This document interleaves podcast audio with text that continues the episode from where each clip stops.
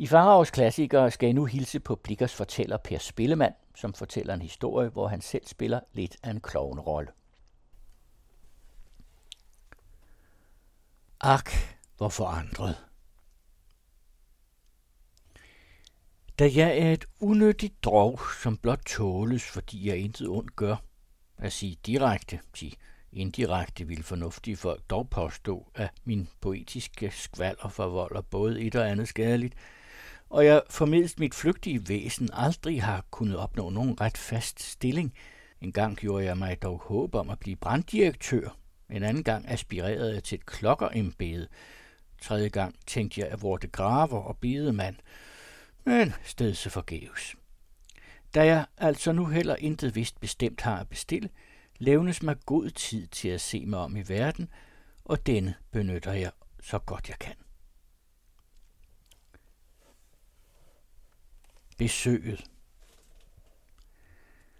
Aldrig så snart var jeg kommet tilbage fra min Københavns rejse i foråret, se Nordlysets junihæfte 1828, hvor jeg havde fornyet mit ungdomsvenskab med den lykkelige justitsråd S, før jeg besluttede at opsøge en anden gammel ven, der levede i stille forborgenhed højt op i Jylland. Jeg havde været vidne til huslig lyksalighed i hovedstaden. Jeg ilede nu at opsøge den i en landlig afkrog. Jeg havde ikke set den nu velaværdige pastor Ruriculus i nogle 20 år. Men han, justitsråd S og jeg havde fordom udgjort et skønt kløverblad.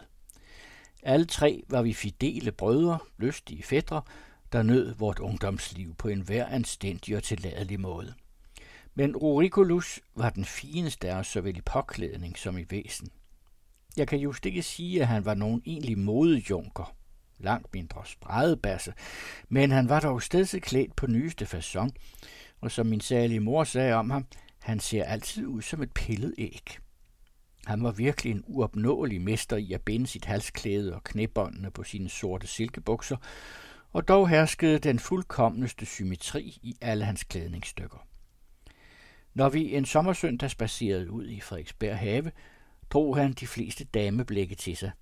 Uagtet S også var en smuk kæl, og jeg halv sjette tomme længere end nogen af dem. Men for at være oprigtig må jeg tilstå, det var ikke ene længsel efter en ungdomsven, der drog mig. I den egen, hvor han nu levede, havde jeg for 19 år siden oplevet min 20. kærlighedshistorie. Det var der, hvor jeg så Maren den anden, må endelig ikke forveksles med Maren den første, stadsmusikantens datter, se Nordlyset for 1827, februar hæftet, side 233 hvor jeg så Maren den anden, den dejlige, den englelige Maren Lammestrup, perlen blandt de vinilske piger. Det var der, hvor jeg tyvende gang bortskænkede mit ømme hjerte, hvor jeg fik det tyvende gang helt og holden tilbage. Tillad mig, skønne læserinde, at fortælle mit uskyldige eventyr. Rikolus og jeg gjorde en sommerudflugt til stadens volde for at sprede nogle lysglimt over Vendelboernes peninsel, altså halvø.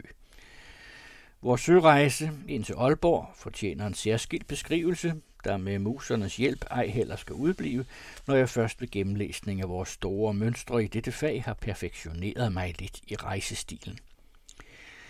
Vi to københavnere, jeg en indfødt, han en naturaliseret, gjorde opsigt ved Vildmosen, hvor bredskyggede hatte, korte veste og lange bukser tildrog sig fortjent beundring. Kun proprietæren her Mads Lammestrup på Tyreholm, en rå, uddannet og plat personage, tillod sig at skoptisere over vor dragt. Det var første gang, man i Vendsyssel så lange gule nankinsbukser med de to gamasjer, hvis flipper nåede lige ud til tæerne. Den tølper sammenlignede os med pøjfåede handduer. Hans datter Maren, den søde due, udfandt en skønnere lighed, nemlig i vor forlipte ømhed og kælende korn. Ja, jeg tilskrev, og det er vist ikke uden god grund, disse samme gule gamascher en stor del af den lykke, vi to kavalerer gjorde hos hende og de øvrige viniler inder. Mit hjerte er af svamp. Nej, den lignelse halter. Ti vel fænger det hastigt, men forbrænder ikke. Svampen brænder kun én gang. Mit hjerte så tit det skal være. Mit hjerte er krudt, dog, ja, det passer heller ikke. Det tændes vel i et øjeblik, men ganske blidt og stille, uden røg og uden knald. Nu da, så må mit hjerte være af asbest. ah, det dur lige så lidt, for asbesten brænder jo slet ikke. Vel, ja, så vil jeg uden lignelse og uden nogen som helst figur sige, at jeg ved første øjekast blev dødeligt forelsket i Maren Lammestrup, den væne mor og søde ruksenblomme.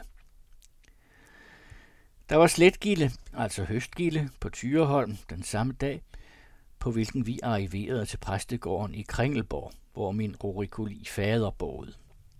Hans velaværdighed tog meget kærligt imod os. Velkommen, Hans Mikkel, råbte han til sin søn. Hvad er det for en svend, du er med dig?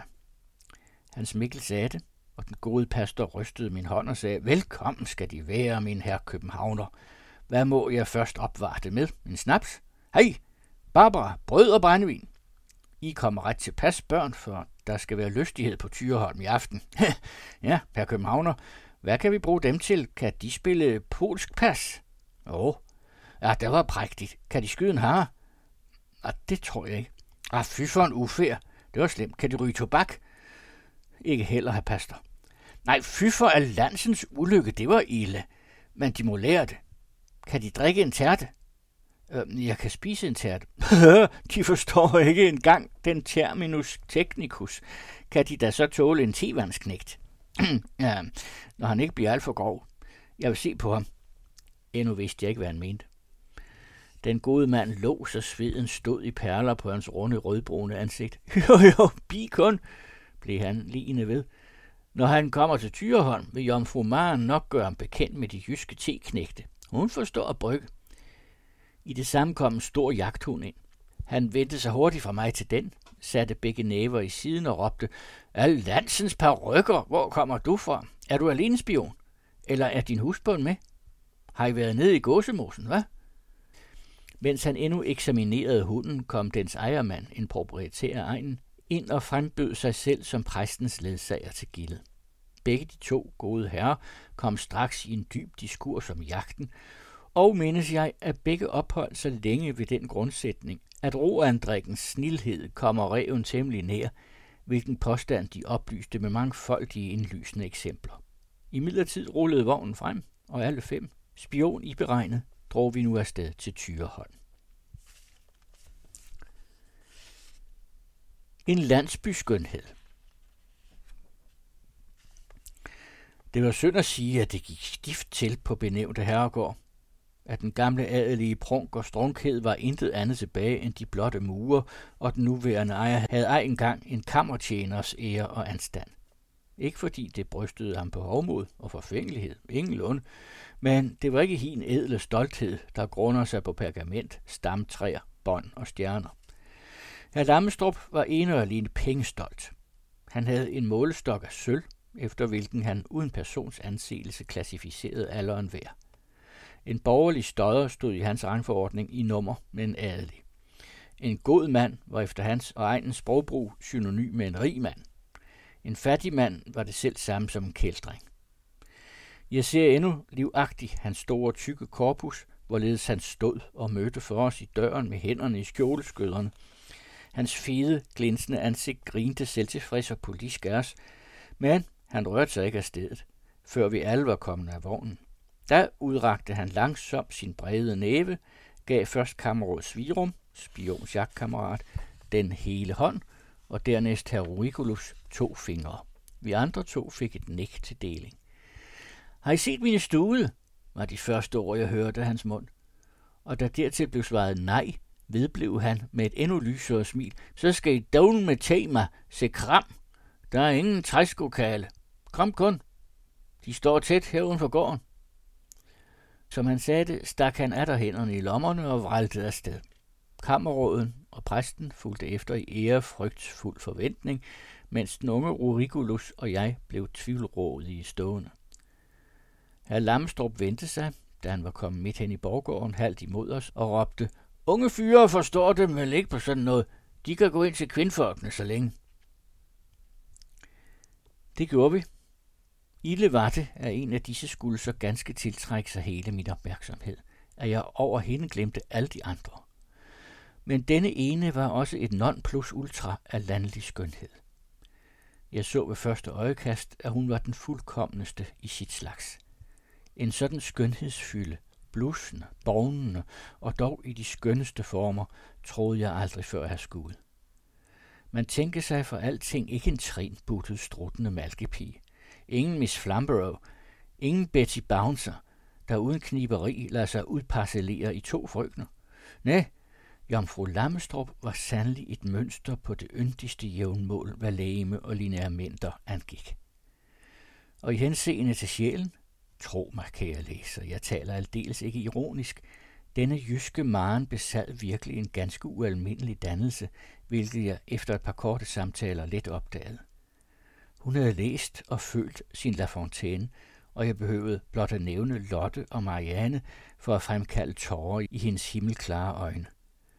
Hertil kom, at hun dansede som en alf, sang som en engel og spillede smagfuldt og færdigt på sit pianoforte. Vist nok det eneste instrument af denne art, som der fandtes i det gamle vendsyssel. I hvilket drivhus denne fagre markblomst var blevet således forædlet, skal jeg ikke kunne sige, men vist er det, at herr og madame Lammestrup ingen skyld havde deri. Jeg har allerede sagt, og det vil nok ingen nu finde forunderligt, at jeg straks gav den fortræffelige pige mit hjerte. Jeg vil lægge til, at jeg ikke just plejer at give mit æble bort uden at have en pære i kikkerten, og jeg altså ligeledes ved denne lejlighed turde gøre regning på et mageskifte. Til foruden den velvilje, der ved det allerførste blik på min person lyste ud af hendes skønne øjne, viste sig hos hende efterhånden flere umiskendelige tegn på en fremspirende lidenskab, af hvilke jeg blot vil anføre følgende tre som mest i øjnefaldene. For det første mærkede jeg, at når jeg stod i min yndlingsstilling, krumme knæer, det venstre et godt stykke foran det højre, den højre hånd på hoften, den venstre næve i siden med frembøjet albue, skuldrene ligeledes fremad og lidt i vejret, hovedet ludende, øjnene vidt opspilede og munden trukken op mod næsen, hvilket giver et stolt udseende. De franskes dédaigneux og noget, som lignede en med bajonetten stormløben soldat, at når jeg således stod, der viskede hun hemmeligt til en eller anden af de unge piger, skottede hen til mig og smilte. Og for det andet, da vi kom ud i høvangen, og for at fortjene vores andel i gildet skulle forme en stak og ved den lejlighed overdænget ved andre med hø, blev jeg næsten aldeles forskånet. Det gik derimod ud over min ven Hans Mikkel. Min søde Maren smed ham den første håndfuld i hovedet, og alle de andre små piger fulgte hendes eksempel. Han satte sig til modværge, og jeg tog mig broderlig af ham, forgæves. De ville man ind og stormede ind på ham alene. Han snublede, og i et nu var han begravet under et bjerg af hø og slaget tabt på vores side.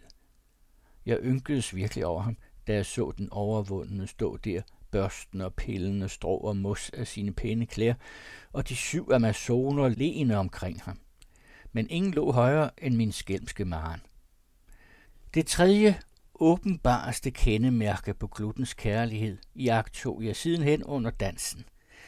De såkaldte jukketrin var dengang i mode, og jeg havde virkelig erhvervet mig en slags færdighed i samme.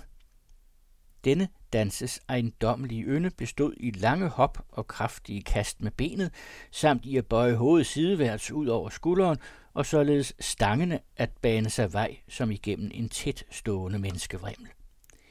Her i kendte jeg ingen ligemand. Jeg gjorde spring på to til tre alen, og meddanserne vogtede sig vel for at komme mig for nær men det forstår sig. En sådan bevægelse var temmelig voldsom og bidrog meget til at fremme transpiration. Det undgik ikke den velsignede pige, hvor i chaufferet jeg var, da jeg takkede af med hende i første dans.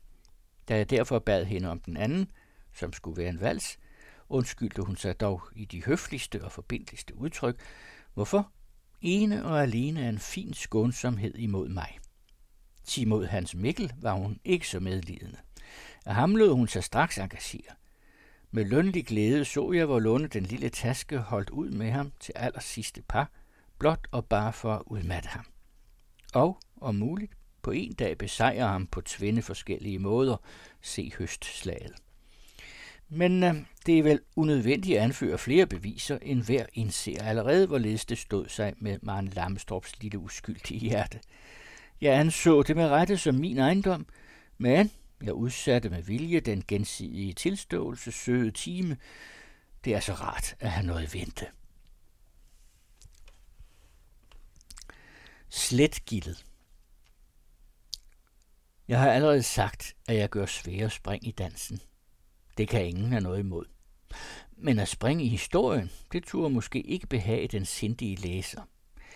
Øh, des årsag vil jeg nu, efter skyldig afbigt for det lange jukketrin, mit hjerte tog med min pen, vende tilbage og med orden og adstadighed beskrive den landlige fest på Tyreholm. Og er der ti knægtene den første genstand for vores opmærksomhed. Da denne meget yndede drik nu ikke længere er nogen hemmelighed, opholder jeg mig ikke heller ved dens beskrivelse. Altså, her sad foran den dampende maskine festens dronning, Maren Lammestrup, og bryggede og uddelte så længe til verden, til kammerråden, til præsten og fem-seks andre herrer, til disse selv blev dampende maskiner, der igen havde lige så mange tobaksmaskiner i gang. Jeg kunne ikke undslå mig for at sidde hos. Men så snart jeg havde fået min tærte til livs, skyndte jeg mig at komme ud i det fri, til det begyndte at kvalme for mig. Punchen, røgen af den gemeneste jomfrutobak i forening med samtalen, der var ganske dyrisk, til den drejede sig alene om stude, heste, hunde, roandrikker og andre vilde dyr, virkede alt så umodståeligt på mig, at jeg måtte søge enrum og sætte panden mod Tyreholms gamle erhverdige mure. Da jeg vel vidste, at lige så hederfuldt det er at kunne drikke meget, lige så foragteligt er det ej at kunne tåle det, så stræbte jeg ved min genkomst i dampmaskineriet at antage en rask holdning, men det lykkedes kun modeligt, til min vært, der må have fundet min pludselige bortgang noget mistænkelig, festede sine store mælkeblå øjne stift på mig, tog pipen ud af munden, hvor nødig den end ville, og sagde med et bredt smil, Er tyksmiguen, siger så bleg ud, er red til maren hvor kommet for mange humle på urten. Dette indfald vagte en almindelig latter, først hos opfinderen og dernæst hos det hele ti-knækselskab. Jeg holdt miner og stemte i med, hvorhos jeg efter latterkorets finale forsikrede, at min upasselighed var mere en følge af rejsen end af punchens styrke. Flere gæsters ankomst forkortede denne for alle de andre meget morsomme scene. Efter at også disse havde fået deres andel af den vinilske nektar, brød hele selskabet op til ingen. Og her var det da, at den batalje forfald, som jeg allerede med anticipation har beskrevet. Jeg springer derfor lige til dansen. Musikken til denne var tarvelig.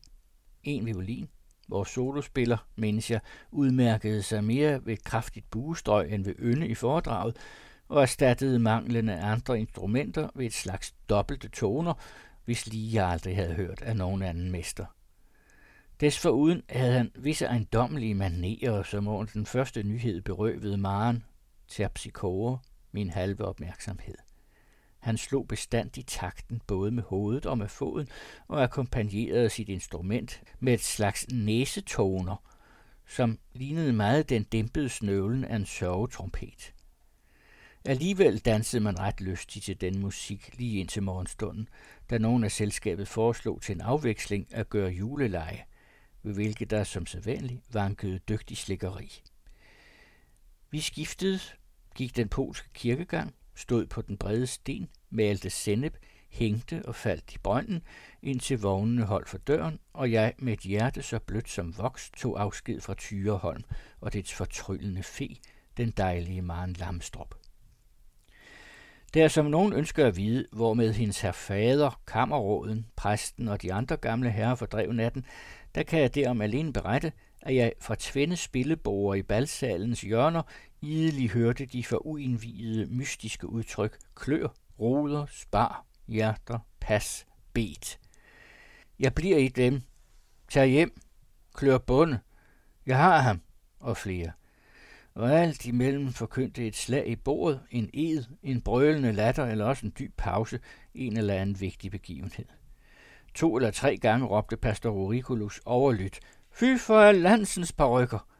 Hvoraf jeg sluttede mig til, at hans velaværdighed hver gang må have sat en stor og uforskyldt bet. Ved afskeden indbød kammerråden samtlige kavalerer til en anden jagt i Sviumgårds sø. Jeg kan ikke med rolighed slutte dette kapitel, før jeg har gjort læseren med delagtig en betragtning, der ved selv samme lejlighed næsten altid har fremstillet sig. Den er ikke nok hverken smuk eller lys, men den er naturlig og svarende til sjælens stemning dagen efter en gennemvåget, om just ikke gennemsviret nat. Hvilken forandring, har jeg tænkt, bevirker dog et tidsrum af nogle få timer. Vi bliver aldrig opmærksommere på tidens hurtighed med samt dens hurtige virkninger på os selv, der ellers synes os langsomme, gradvise, afmålte og næppe kendelige, end netop morgenen efter et bal.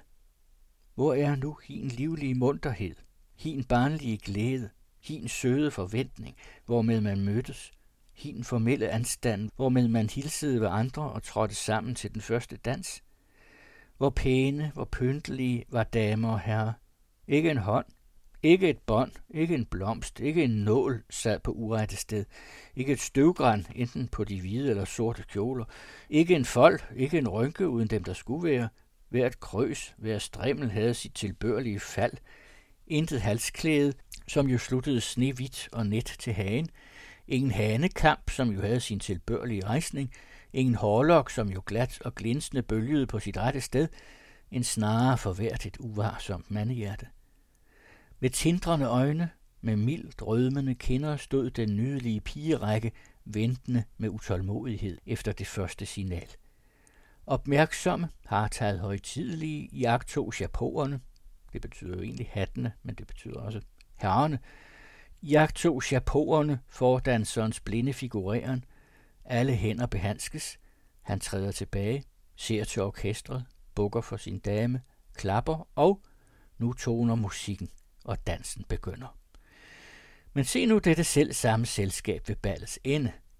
Det er dag, solen kaster sit skær på de bedukkede ruder, lysene i salen brænde mat og søvnigt, så mange af de dansendes kort forhen så lyst tindrende øjne. Hvor er nu hin nethed, hin pyntelighed, hin anstand fra i aftes? Herrenes klæder er bestøvet, håret for pjusket, krøset krøllet, Halsklædet falder vidt ud fra hagen, sløjfen sidder skævt. Og damerne, de før så festligt smykkede, elegante damer. Kjolens hvidhed er borte, såvel som kindernes rødme. De herlige hårlokker har tabt deres elasticitet og hænger tjusket ned over den barm, som i aftes lignede marmor eller bast, men i dag en væg, der ikke for nylig er kalket. Her har en garnering, histen halsstrimmel, fået en rift. Der mangler en sløjfe, her en nål, og nu de søde ansigter. Ak, øjnenes glans er forsvunden. Lige så smilet for læberne og den fine rødme for kinderne.